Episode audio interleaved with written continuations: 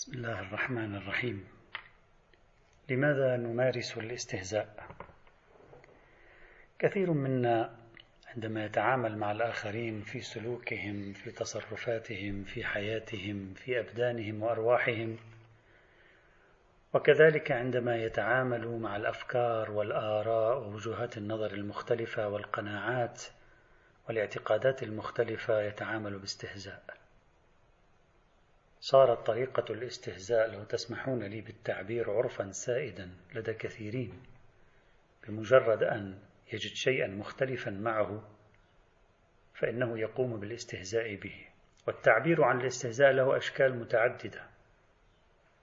تارة يكون بابتسامة عليها آثار السخرية والاحتقار وأخرى يكون بتعابير قاسية تنم عن السخرية بالطرف الآخر. حتى أن بعضنا أيضا يستخدم أساليب النكتة والطرائف في وضع نقطة على شخص أو على آخر بطريقة السخرية به. وهذه من الظواهر غير الأخلاقية الخطيرة للغاية التي تعم الكثير من أوساطنا في مجتمعاتنا. بما في ذلك الأوساط الثقافية والفكرية والمذهبية والاعتقادية والسياسية وما شابه ذلك. القرآن كان دائما يتكلم عن قريش وعن الكافرين بالأنبياء أنهم دائما كانوا يتعاملون مع الآيات التي تأتيهم بالسخرية والاستهزاء. اتخذها هزوا فمنطق السخرية والاستهزاء بالأشياء وبالأفكار ومنطق أنها مستبعدة غريبة عجيبة تستحق الضحك هو منطق غير أخلاقي لكن لماذا نستهزئ؟ سأسلط الضوء على أربعة أسباب أساسية لقيامنا بالاستهزاء خاصة في مجال الأفكار.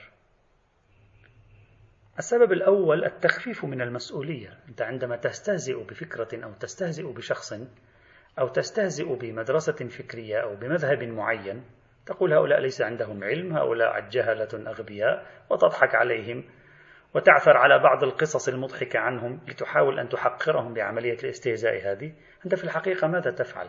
تخفف من المسؤولية عن نفسك الرغبة في الكسل الرغبة في الخلود إلى الراحة الرغبة في عدم تحمل المسؤولية يجعلك تعطي نفسك رسالة مشفرة أن هؤلاء لا يستحقون أن نفكر فيما يطرحون.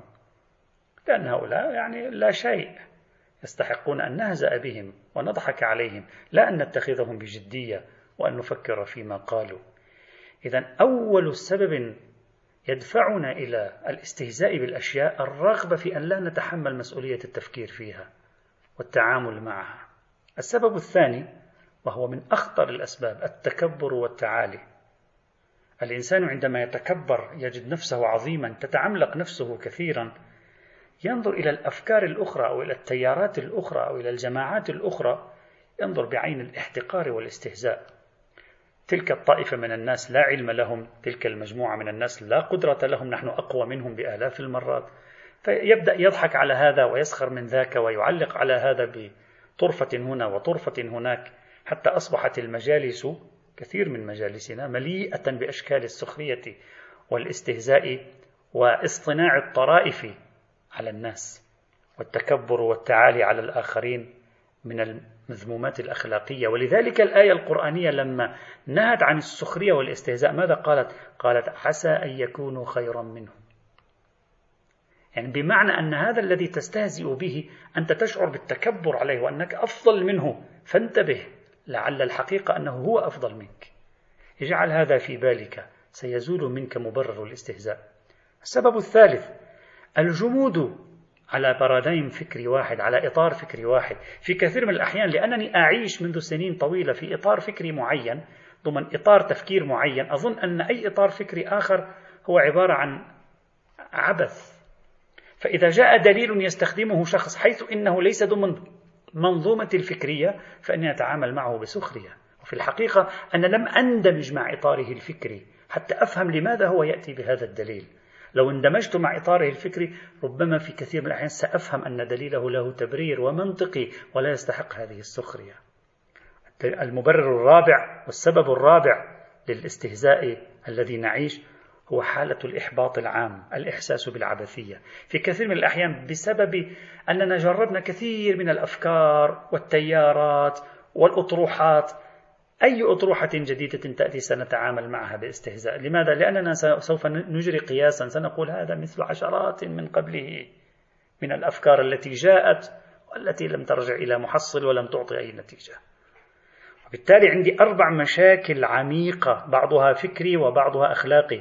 مشكلة الهروب من المسؤولية مشكلة التكبر والتعالي مشكلة الجمود على نمط تفكير واحد وظاهرة الإحباط العام والإحساس بالعبثية وهي مشكلة نفسية. علينا أن نشتغل على هذه المشاكل الأربعة كي نتفادى الظاهرة الاجتماعية التي تتفشى في أوساطنا كثيرا وهي الاستهزاء ببعضنا بعض على المستوى الشخصي على المستوى الثقافي على المستوى الفكري على مستوى تجارب الآخرين وانتماءاتهم. والحمد لله رب العالمين.